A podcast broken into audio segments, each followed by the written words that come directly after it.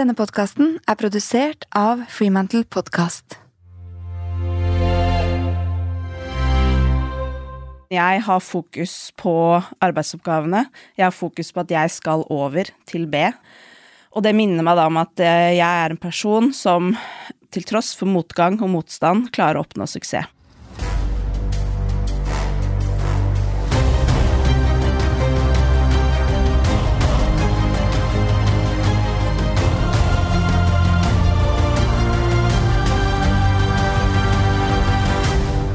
Mitt navn er Cecilie Ystnes Myhre, og jeg jobber som mentaltrener og lederutvikler.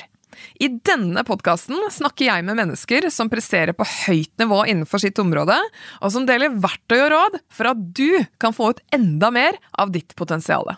I dag så har jeg invitert inn en rå dame. Vi skal nemlig møte Kristin Holte, som jeg tipper mange av dere fikk sett i action i Mesternes mester tidligere i vinter. Kristin har vært en av Norges fremste crossfit-utøvere i lang, lang tid, og ble kåret til second fittest woman on earth i CrossFit Games i 2019. Og i 2021 nådde hun målet sitt og ble verdensmester i functional fitness. Og jeg vet at det er ingen tilfeldighet at Kristin har blitt så god som hun har blitt. Hun har nemlig brukt systematisk mentaltrening i mange år for å bli så sterk både i huet og i kroppen. Så gled deg til å få mer innsikt i hvilke verktøy hun har brukt, slik at du kan bruke de i din hverdag. Velkommen til uh, Grit, Kristin. Tusen takk. Veldig hyggelig å ha deg på besøk. Du er ganske godt kjent for uh, det norske folk, og spesielt etter uh, deltakelsen din i Mesternes mester, så vil jeg tro du har fått et enda bredere publikum enn det du har hatt før. Men for, for de som har lyst til å bli bedre kjent med deg, kan ikke du starte med å fortelle kort hvem du er?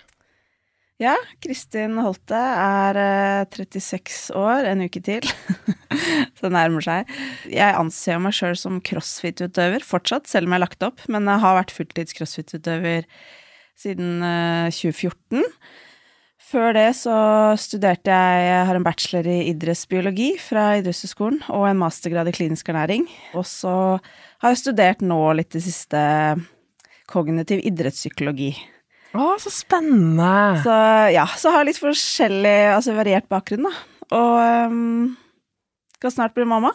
Ja, gratulerer med det. Veldig, veldig fint. Eh, du, jeg vet at eh, du har også skrevet bok. Stemmer. det må vi jo få frem her. Og jeg elsket den boken fordi du har jo også da veldig mye mentaltrening som på mange måter leder opp til den mentaliteten i grit-verdenen, da. Som i hvert fall hjelper en å finne styrke til å jakte de langsiktige målene man har i livet. Men for å starte litt sånn der, da. Hva har vært drivkraften din for å jobbe hardt på å prestere så, på et så høyt nivå i crossfit? Det har eh, I starten så var det egentlig om å gjøre å bli best. Etter hvert så har jeg sett at eh, det kan jo hende at eh, det aldri skjer, selv om jeg på en måte legger ned absolutt alt jeg kan og gir 100% så kan det fortsatt hende at noen er bedre enn meg. Og da er det veldig kjedelig å skulle være skuffa over meg sjøl, fordi jeg har jo da nådd mitt potensial. Så, så, etter hvert så, så, har drivkraften min blitt at jeg har lyst til å se hvor god jeg kan bli. Rett og slett å prøve å nå mitt potensial innenfor crossfit, som det har vært nå de siste ti årene. Ja, og, Men før du drev med crossfit, så drev du også med litt sånn annen type idrett, gjorde du ikke det? Det stemmer, jeg har vært innom egentlig veldig mye forskjellig. Ja. Jeg har eh, vært sånn som alltid elska å trene, og egentlig ikke klart å bestemme meg for hva jeg syns er morsomst, fordi jeg syns alt har vært gøy. Så, så har drevet uh, Det jeg gjorde mest, var turning, dansing og friidrett, da. Ja. Mm. Og så sier du det derre se hvor langt jeg kan ta dette potensialet. Og da må man jo være litt sånn uh, Like det å se etter rom for forbedringer og hele tiden bli litt bedre. Er det noe som hele tiden har gitt deg næring, eller er det også tidvis gitt deg bekymringer og litt for mye grublerier? Jeg har jo hatt en sånn tankegang om at jeg skal prøve å bli 1% bedre hver dag. Uh, nå har jeg jo ikke målt det, men det er liksom det har vært tankegangen min, da, at alt jeg gjør, skal på en måte pushe i den retningen at jeg blir litt bedre. Og så har det jo selvfølgelig vært perioder hvor det ikke har vært mulig. Eller det har vært vanskelig, spesielt sånn eh, hvis du var skada og hatt, uh, hatt setbacks videre. Men jeg har på en måte alltid klart å finne noe som jeg kan bli bedre i. Og det er det som er så fint med crossfit, da. Der er det alltid noe du kan bli bedre i. Og selv om du har vondt overalt og, og ikke ser noen utvei, så er det på en måte Ok, da kan jeg jobbe med hodet, da. Eh, så det å, å være litt sånn nysgjerrig der og, og utforskende og prøve å finne ut av ok, hva kan jeg faktisk jobbe med nå? Ja. Og det er liksom spennende. Så når du sier 'jobbe med hodet', hva legger du i det? Det er jo, altså det er jo mentaltrening, da. Mindset. Og for meg så har det handla mye om hvordan jeg ser på ulike ting. Altså utfordringer, problemer, ting som dukker opp som, eh, som ofte er litt utenfor min kontroll. Fordi når jeg var yngre, så brukte jeg veldig mye tid på å tenke og fokusere på ting som jeg ikke hadde noe, noe kontroll over. Og veldig mye tid på å tenke på konkurrentene mine. Hvor gode de var, hvordan de skulle slå meg og vær, vind, dommere, alt. Altså alle ting som jeg faktisk ikke kunne gjøre noe med. Så det, det å faktisk finne ut av hva er det jeg kan fokusere på, hva er det jeg kan kontrollere av det jeg bruker energi på å tenke på, og bruke mest mulig tid da, på de tinga som faktisk er innenfor min kontroll. Det der vitner om veldig god sånn selvinnsikt. den selvinnsikten, kom den gradvis av seg selv, eller fikk du en eller annen form for wake-up call eh, på det? Den kom eh, etter hvert som vi begynte å jobbe, eller som jeg begynte å jobbe med mentaltrening. Før det så kanskje jeg gjorde noe av det, men ikke noe bevisst. Nei, Altså, litt mer ubevisst. Ja. Men da har du jo allerede hatt en sånn holdning om at jeg tror jeg har lyst til å teste mentaltrener, da. Så du har jo vært vært viss åpen for det. Kan du fortelle litt om den reisen til å tenke at ja, det kan være spennende? Ja, jeg skal innrømme i starten så tenkte jeg at det her trenger ikke jeg. Det er bra. Når jeg først eh, Når min mentaltrener da tok kontakt med meg, så var det han trengte noen å jobbe med som en del av bacheloroppgaven. Og det her var helt i starten av min crossfit-karriere. Jeg tenkte herregud, jeg vet jo hvordan jeg skal tenke og puste videre. Men samtidig så hadde jeg på en måte ikke noe å tape, så jeg sa ja. Men hadde ikke noe trua på at det skulle gjøre noe forskjell. Det er veldig ærlig. Men så gjorde det det for deg, og du har jo også vært veldig ærlig på at eh, skadeperiodene dine har jo satt sin skikkelige test på deg. Vil du si at det har vært eh, liksom enda viktigere for deg å jobbe mentalt da i de periodene, eller ja? Absolutt. Altså, når ting går bra, så, så flyter jo alt. Altså er man en sånn flow state. Men det er jo når du virkelig får kjenne på motgang og motstand, at eh, du finner ut hva som bor i deg. Og, og det er i de periodene der hvor jeg virkelig har eh, kommet styrka ut, da. Spesielt når det gjelder det mentale. Og lært meg liksom at uh, I starten så hadde jeg veldig mye katastrofetanker. Hver gang jeg hadde vondt et sted, så var det sånn Nå må jeg legge opp, fordi nå har jeg, har jeg litt vondt i kneet, så har jeg røkt et korsbånd, liksom. Da er jeg ute, tenkte jeg, da. Uh, og hver gang jeg kjente noen ting, så var jeg liksom sånn Nei, nå er alt ødelagt.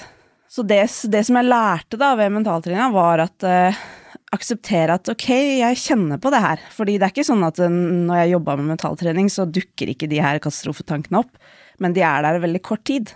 Og klarer på en måte å endre det fra den negative spiralen til å, å, å skape et brudd. Og så er jeg på vei opp igjen. Ok, ja, nå kan jeg ikke gjøre det og det, men hva kan jeg fokusere på isteden?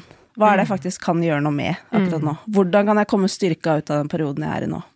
Og det er veldig sånn gode spørsmål som jeg tenker bare lyttere nå må bare notere litt ned, for det kan man. Det er spørsmål som kan åpne opp for litt flere mulighetsrom for hvordan du kan tenke rundt en situasjon, da.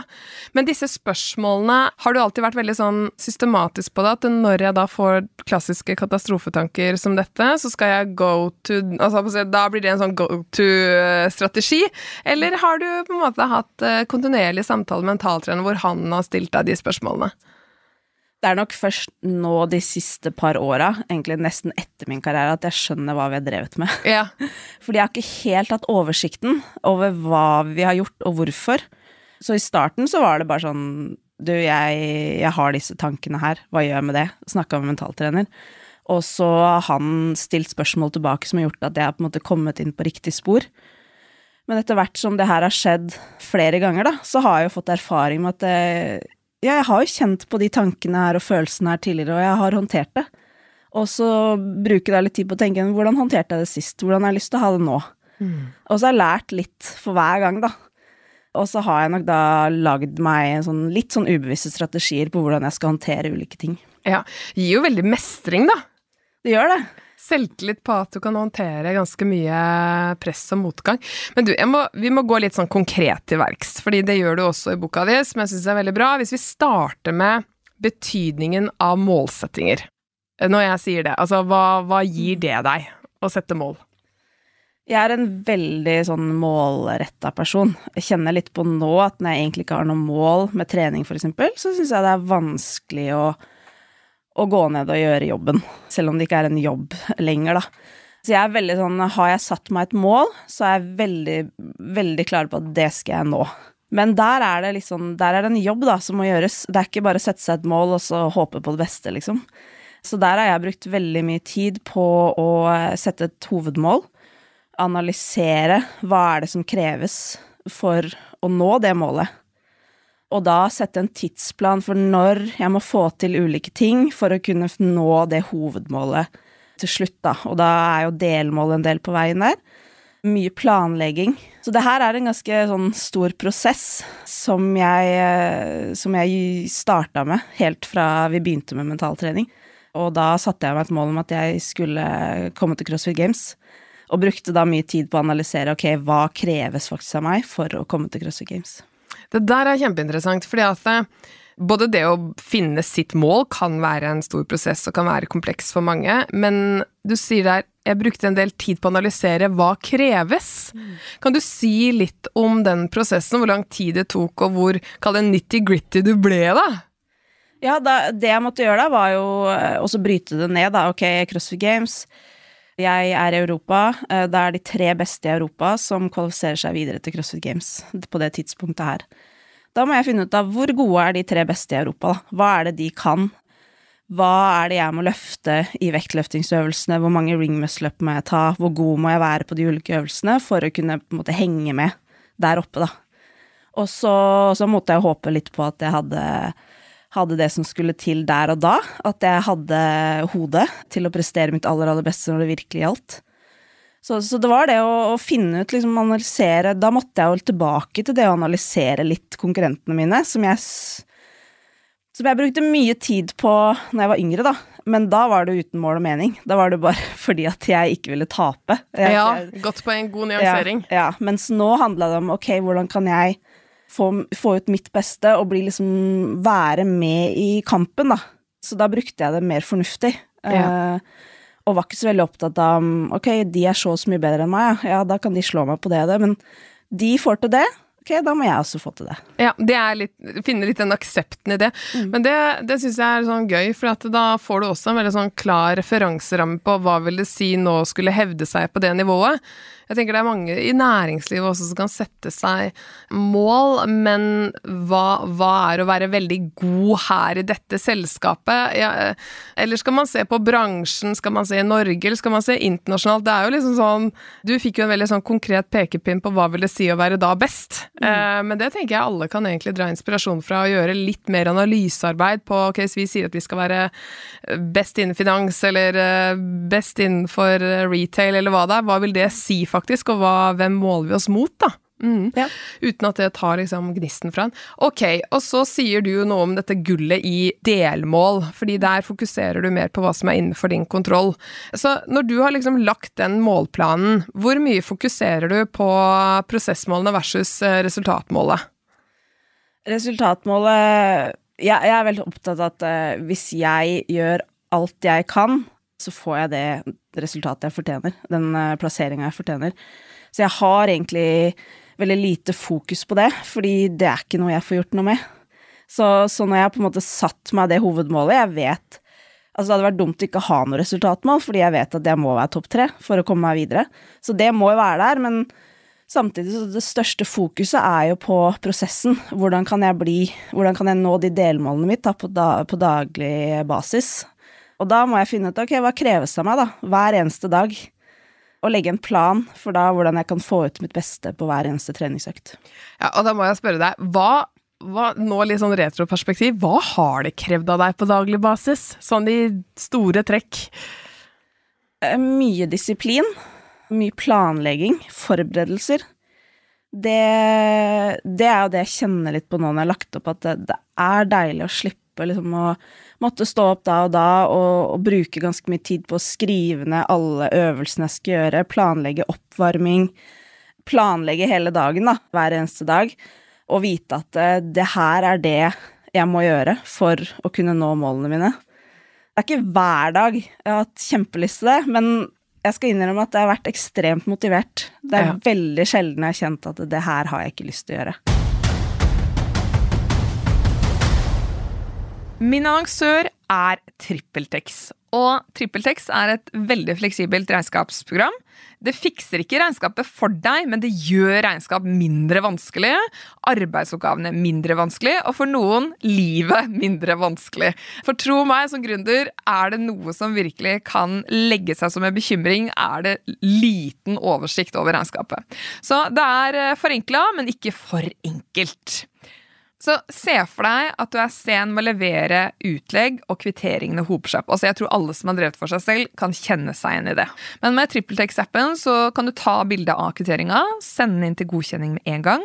og Appen skanner og fyller ut sum, kostnadskategori, dato osv. for deg. Helt automatisk. Så du kan kaste kvitteringa, beløpet blir utbetalt ved neste lønnsgjøring, og regnskapet oppdaterer seg. Enkelt og deilig for sjela, må jeg bare si. Så har du lyst til å teste TrippelTex, så gjør du det gratis i 14 dager på trippeltex.no slash gratis. Hvor mye av dine sterke prestasjoner syns du skyldes talentet ditt versus din evne til å jobbe disiplinert og jobbe hardt? Det er vanskelig å sette noe tall på det, men eh, jeg Hvis du ser på papiret, da, så er ikke jeg blant de beste. Hvis du ser på mine resultater, sånne enkeltresultater. Så det har handla mye om det å jobbe med detaljer på alle mulige plan, da, altså kosthold, søvn, restitusjon, hvordan gjøre en øvelse mest mulig effektiv, hvordan hente inn sånne små tideler her og der. Fordi at uh, talentet mitt er der, men det er ikke så stort at uh, jeg hadde blitt så god jeg hadde blitt uten disiplinen og evnen til å legge ned det arbeidet som jeg vet kreves, da. Ja, så spennende. Er det hva si, mennesker som syns at det er litt sånn vanskelig å komme liksom fram til målet sitt? Har du noen perspektiver eller råd til det? Jeg tror det er eh, altså bruke litt tid på det, og så kjenne virkelig hva er det jeg brenner for, altså hva er det liksom dypt inne jeg har lyst til å få til. Også, så det kommer innenfra? Ja, ja, jeg syns jo det. Altså, det må jo være noe du har lyst til å få til, ikke noe som andre føler eller syns at du burde få til. For da, når det kommer litt motgang og motstand der, så har man kanskje ikke den indre driven til å virkelig ville legge ned jobben, da. Mm. Og så syns jeg det skal være litt sånn eh, skummelt, altså det skal være litt hårete. Litt hårete mål, fordi det må være noe som gjør at man kjenner inni seg at oh, ja, har, eh, dette er litt skummelt å si høyt, men dette har jeg virkelig lyst til å få til, og da er man kanskje villig til å legge ned det lille ekstra som kreves. Mm. Gode poenger. Du, så ok, da har vi vært litt sånn innom dette med mål. Og så tenkte jeg vi kunne gå litt innom dette med indre dialog og selvsnakk. For det snakker du litt sånn innledningsvis også. Liksom tankene dine, katastrofetanker, og hvordan du klarer å switche det over til å bli mer konstruktivt og offensivt. Men kan ikke du nevne noen teknikker som du også skriver en del om i boka, som, som egentlig er litt sånn to goes to eh, for deg, enten i en forberedelsesfase eller rett og slett underveis når du holdt på å si trener, men altså leverer konkurranse, da. Mm. Ja. Ja, jeg har jo eh, Jeg har litt forskjellige ting som jeg har eh, Teknikker som jeg jobba med. Eh, når det gjelder selvsnakk, indre dialog, så har jeg jo hatt perioder hvor jeg liksom kjent veldig på, på dårlig selvtillit, og kjent på det at åh, alle andre er bedre enn meg, og det, det her får jeg ikke til. Og da har jeg gjort noe så enkelt som å bare skrive lapper til meg sjøl, hengt rundt i leiligheten min. Og, og, da har det vært sånn 'jeg er sterk, dette får jeg til', tegna meg sjøl på pallen. Og i starten syntes jeg det var kjempeflaut. Gjorde ja? og hvis jeg, hadde besøk, ja, hvis jeg hadde besøk, så måtte jeg ta det ned, for det var kjempeflaut. Men etter hvert så var jeg litt sånn Ja, jeg er sterk, jeg. Og så så jeg det flere ganger hver eneste dag. Og det gjorde at jeg etter hvert begynte å tro litt på det. Og så så jeg alle de her uh, hele tida, og da, selv om jeg ikke trodde på det i starten, så jo mer jeg så på det, jo mer jeg sa det, jo mer trodde jeg på det. Og etter hvert så fikk jeg tilbake selvtilliten og kjente at ja, jeg er faktisk sterk. Og ble litt mer bevisst på hvordan jeg snakka til meg sjøl. Ja. Og det tror jeg er viktig, at man tar seg sjøl litt. Altså ja, man, jeg står jo fortsatt og sier liksom åh, nå er du, det her får du ikke til, og i dag er du helt håpløs, og så videre. Men den derre le litt av seg sjøl, herregud, hvorfor, hvorfor gidder jeg å si det her? Hvorfor gidder jeg å snakke meg sjøl ned, når jeg faktisk kan være min egen største fan? Mm. Så du utfordrer deg selv ganske godt da, når du kommer i de sonene, og så har du disse triggerordene eller setningene rundt omkring som kan minne deg på det. Ja. Det er kjempegodt tips.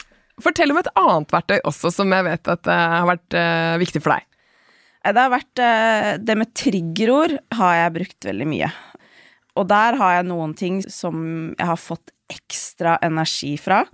Jeg bruker mye kriger. Og for meg, da, når jeg hører eller ser ordet kriger, så ser jeg for meg da meg selv på en battlefield, skal fra A til B på raskest mulig måte. Så er det motstand, det er hindringer underveis som prøver å ta meg ned. Men jeg har fokus på arbeidsoppgavene. Jeg har fokus på at jeg skal over til B. Og det minner meg da om at eh, jeg er en person som til tross for motgang og motstand klarer å oppnå suksess.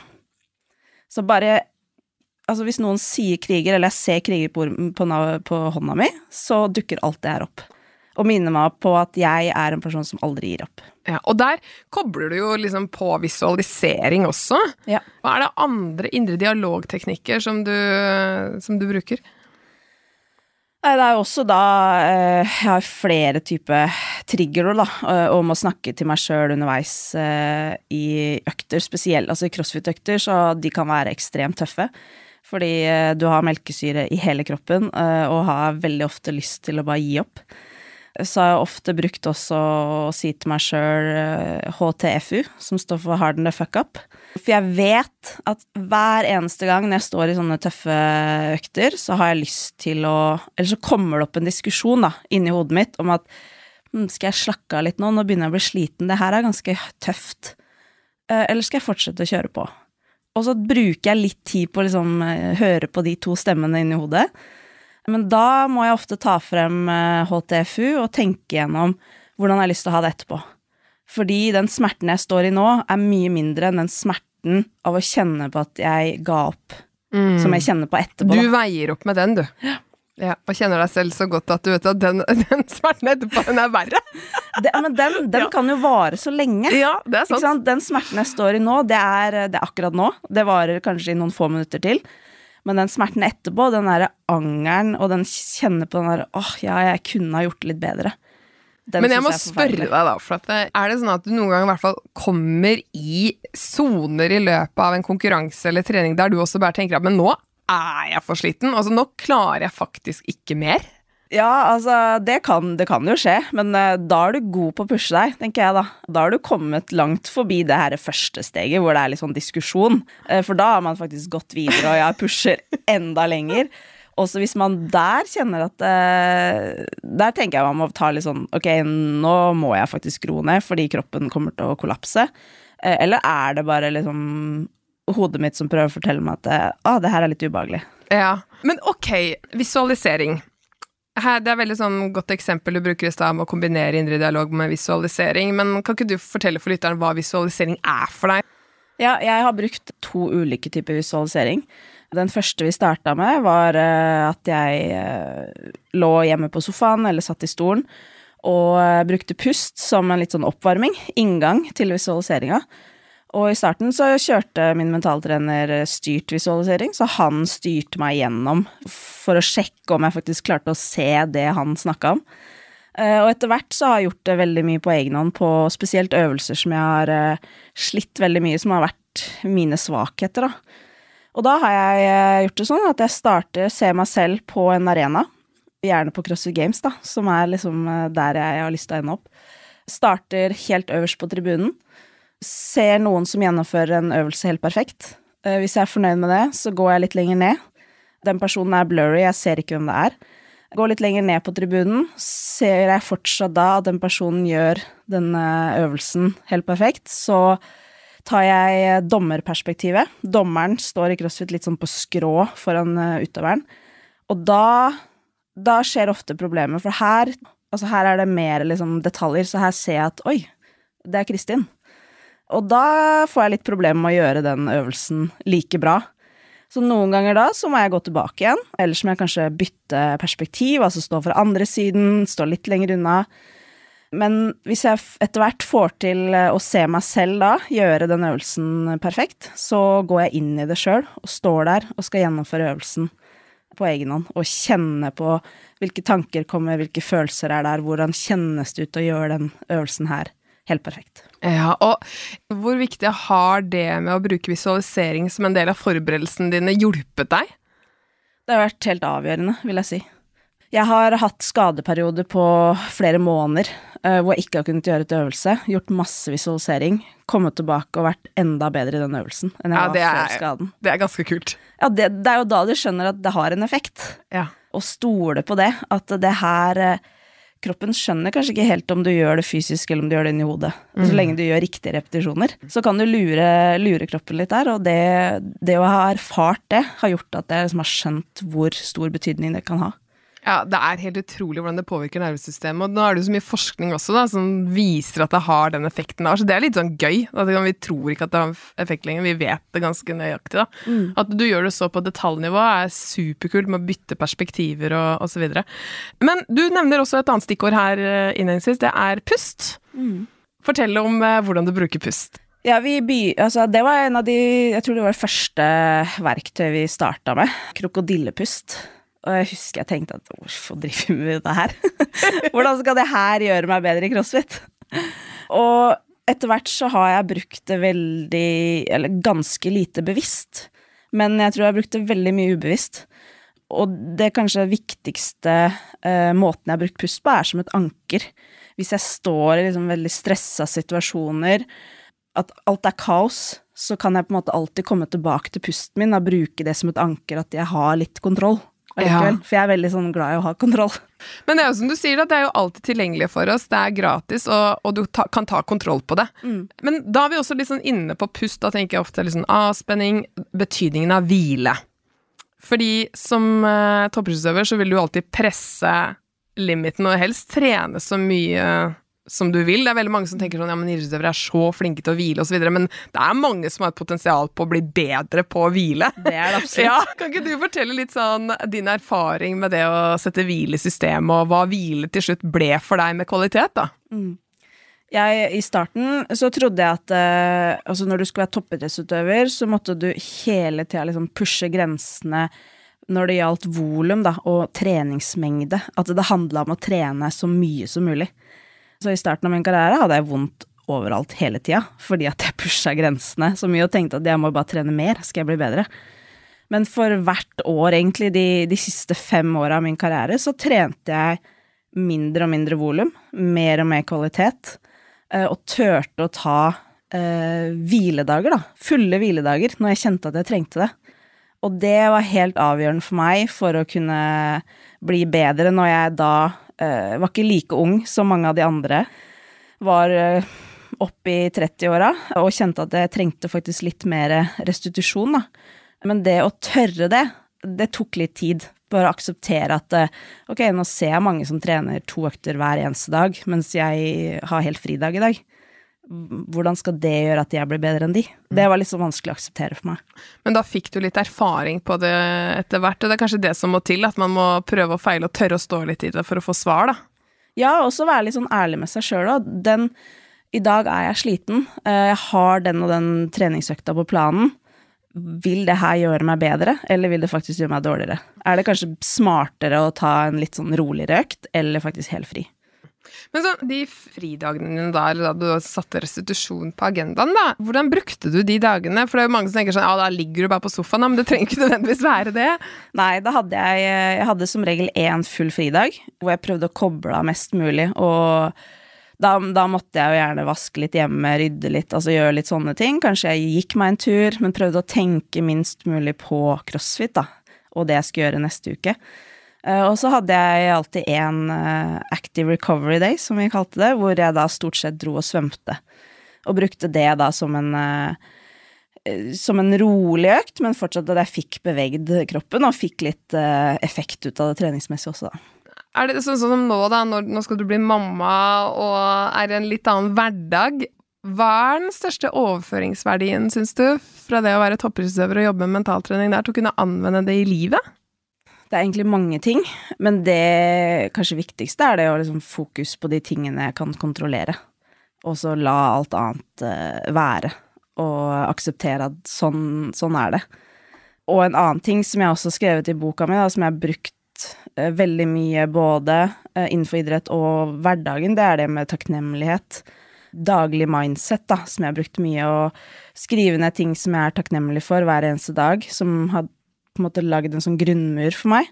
Uh, hvis ting ellers i hverdagen, litt på trening eller på jobb, går litt dritt, så kan man liksom alltid komme tilbake til at ok, ja, men jeg har, jeg har et sted å bo, uh, jeg er frisk, uh, jeg har familie og venner som er glad i meg. Og så samtidig der sette mål for dagen, da. Det er jo både en bra, men også kan være litt utfordrende. Spesielt nå når jeg skal bli mamma hvor jeg har lyst til å gjøre veldig mye sikkert hver dag. Men kanskje akseptere at ok, i dag er målet faktisk bare å komme seg ut i ti minutter, og så er det ok, da. Ja, og det er et sånt begrep du også kommer tilbake til veldig mange ganger, og det er aksept. Mm. Og det der er en reise for mange, å lande i aksept når det er så mye annet vi har lyst til. Kan du si litt om hvordan du kommer i en state of mind av aksept? Ja, jeg skulle ønske at jeg kunne liksom At jeg hadde noe som gjorde at jeg kom dit med en gang. Fordi det gjør ting så mye lettere. Men uh, det er ofte veldig mye der igjen, da. Uh, diskusjon innvendig. Hvor liksom åh, ja, nå er det dritt at det er sånn her. Går og irriterer meg over at ting er som det er. Men samtidig sånn Det er det det er. Hva kan du fokusere på nå? Så jeg, jeg snakker nok litt med meg sjøl, og, og så etter hvert finner jeg ut at ok, det, situasjonen er som den er. Det er ikke akkurat sånn som jeg hadde tenkt at det skulle være, eller håper at det skal være, men det er sånn det er. Hvordan gjør jeg da det beste ut av den situasjonen her? Så det kommer som regel alltid tilbake til det. Ja, det syns jeg var gode spørsmål som kan veilede en inn til den sonen av aksept. Det er ganske frigjørende når man først kommer dit og ser løsningene i stedet for forhindringene. Mm. Det siste temaet som jeg har lyst til å snakke med deg om, det er betydningen av å få feedback. Mm. Hvordan har du forholdt deg til tilbakemeldinger og anvendt det som et verktøy for å bli bedre? Jeg skal innrømme jeg er ekstremt dårlig på å få negativ feedback, spesielt. Er det det? Ja, uansett hva det er, så tar jeg det veldig personlig. Ja. og har alltid vært litt en flink pike, da, og liker å få til ting. Så det, det har vært utfordrende for meg, men samtidig så er det jo det som gjør at jeg blir bedre. Så jeg har lært veldig mye av det gjennom crossfiten. Og, og ta til meg den kritikken, eller feedbacken, som jeg føler passer, og er fortjent. Og så, og så gjøre noe med det. Og det kritikken og feedbacken kommer jo oftest fra meg sjøl, og spesielt den negative. Å finne ut av da, ok, hva er det jeg skal fokusere mest på der, eh, hva er det jeg skal bare legge til side. Men, men, jeg syns, jeg må innrømme, jeg syns det er vanskelig. Jeg blir sånn åh, oh, nei, hvis jeg får noen Noen sier noe til meg som er litt sånn Jeg tar veldig negativt, da. Det er sikkert ikke det, men jeg tar det, kan tolke det negativt. Så tenker jeg sånn åh, nå, nå er du håpløs, Kristin. Nå får du ikke til det og det, og Ting skal jo liksom være perfekt. Og det Det er en dårlig egenskap. Men veldig ærlig. Eh, det hjelper jo med at man har den selvinnsikten på liksom, her er en respons jeg fort kan gå i, da, men, mm. men fortsatt ser det store bildet. Men jeg, det var en annen ting altså, bare helt eh, avslutningsvis, jeg har lyst til å bare plukke opp, fordi du sa litt med deg selv på de, disse restitusjonsdagene. Så sa du det at eh, liksom, viktigheten av å sjekke inn med deg selv for å kjenne hva jeg har behov for i dag. Da. I dag har kanskje kroppen ekstra behov for hvile osv. Og, så og jeg tenker at uh, mennesker, uavhengig om de driver med idrett eller jobber, så det derre å sjekke inn med seg selv og kjenne hva man har behov for. Det kan være litt vanskelig noen ganger. Mm. Um, men jeg tenker du som er så innmari i kontakt med kroppen din, da. Kan du gi oss noen sånn innspill på hvordan man kan finne ut hva man har behov for, og hva slags type hvile som er riktig? Ja, det som jeg gjorde de siste åra av min trening sammen med min trener, og også på Som jeg gjør også med de utøverne jeg jobber med, er eh, en sånn eh, bodyscan som vi gjør én til to ganger i uka, hvor eh, hvor man skal gi karakter da, til hver kroppsdel, hvordan man føler seg. Null er helt tipp topp, ti er da man er på sjukehuset. og så rate liksom kroppsdelene hvordan det føles. Eh, og så kan man følge med og tracke det for hver uke, og ser man liksom ok, denne uka har kneet mitt gått fra en ener til en treer. Ok, kanskje jeg da skal justere litt på antall knebøy eller mengden jeg gjør på knærne, da, på beina. Eh, sånn at jeg slipper å få noe store skader som gjør at man kanskje er ute i lengre tid, da. Det syns jeg har vært et veldig fint verktøy, for da både for meg sjøl, men også for de da trener eller de rundt, da, som kan også være med og liksom sånn Ja, men du, du sa jo en treer på, på bodyscan, hva mener du med det? Og det der kan jo alle bruke, for jeg tenker for det første er det veldig mange i næringslivet som også liker å trene mye, eh, men har en totalbelastning i livet eh, i tillegg, som gjør at det kan være liksom vanskelig å sjekke inn og faktisk eh, gå litt sånn metodisk til verks. Det var et veldig godt mm. tips. Du, jeg hører jo nå at du da tar etterutdanning i kognitiv psykologi. Altså, Ser jeg deg etter hvert i min bransje, eller er det det neste målet, Kristin? Jeg, jeg har ikke helt funnet funnet ut, hva jeg har lyst til å bli når jeg blir stor, men eh, jeg syns jo det er veldig spennende da med eh, samspillet med det fysiske treningen og mentaltreningen, og hvordan vi kan bruke og trene hodet til å nå vårt potensial. Enten det er trening eller jobb eller familieliv. Så jeg har veldig lyst til å jobbe innenfor der på en eller annen måte. Jeg har ikke helt bestemt meg hvordan ennå, men eh, jeg har jo sett hvilken effekt det har hatt for meg. Jeg hadde aldri vært der i dag, fått prestert det jeg har gjort, hadde det ikke vært for mentaltrening. Og jeg må si at jeg har fått jobbet med veldig mange både idrettsutøvere og privatpersoner med mentaltrening, men jeg er utrolig imponert hvor ekstremt systematisk du har gått i det, og alt som har festet seg. For det er ikke bare bare å kunne sette ord på det, altså artikulere det etter endt karriere på den måten du har gjort på så. Det er veldig inspirerende, og det gir masse verdi for lytterne her. Så tusen takk for at du kom hit i dag, Kristin. Tusen takk for meg.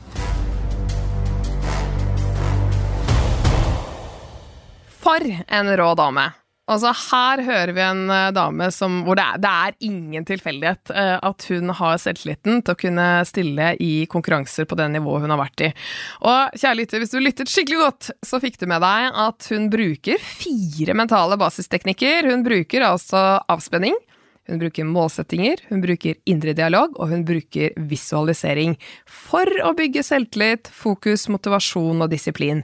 Og det er jo mentale ferdigheter vi alle trenger i hverdagen vår.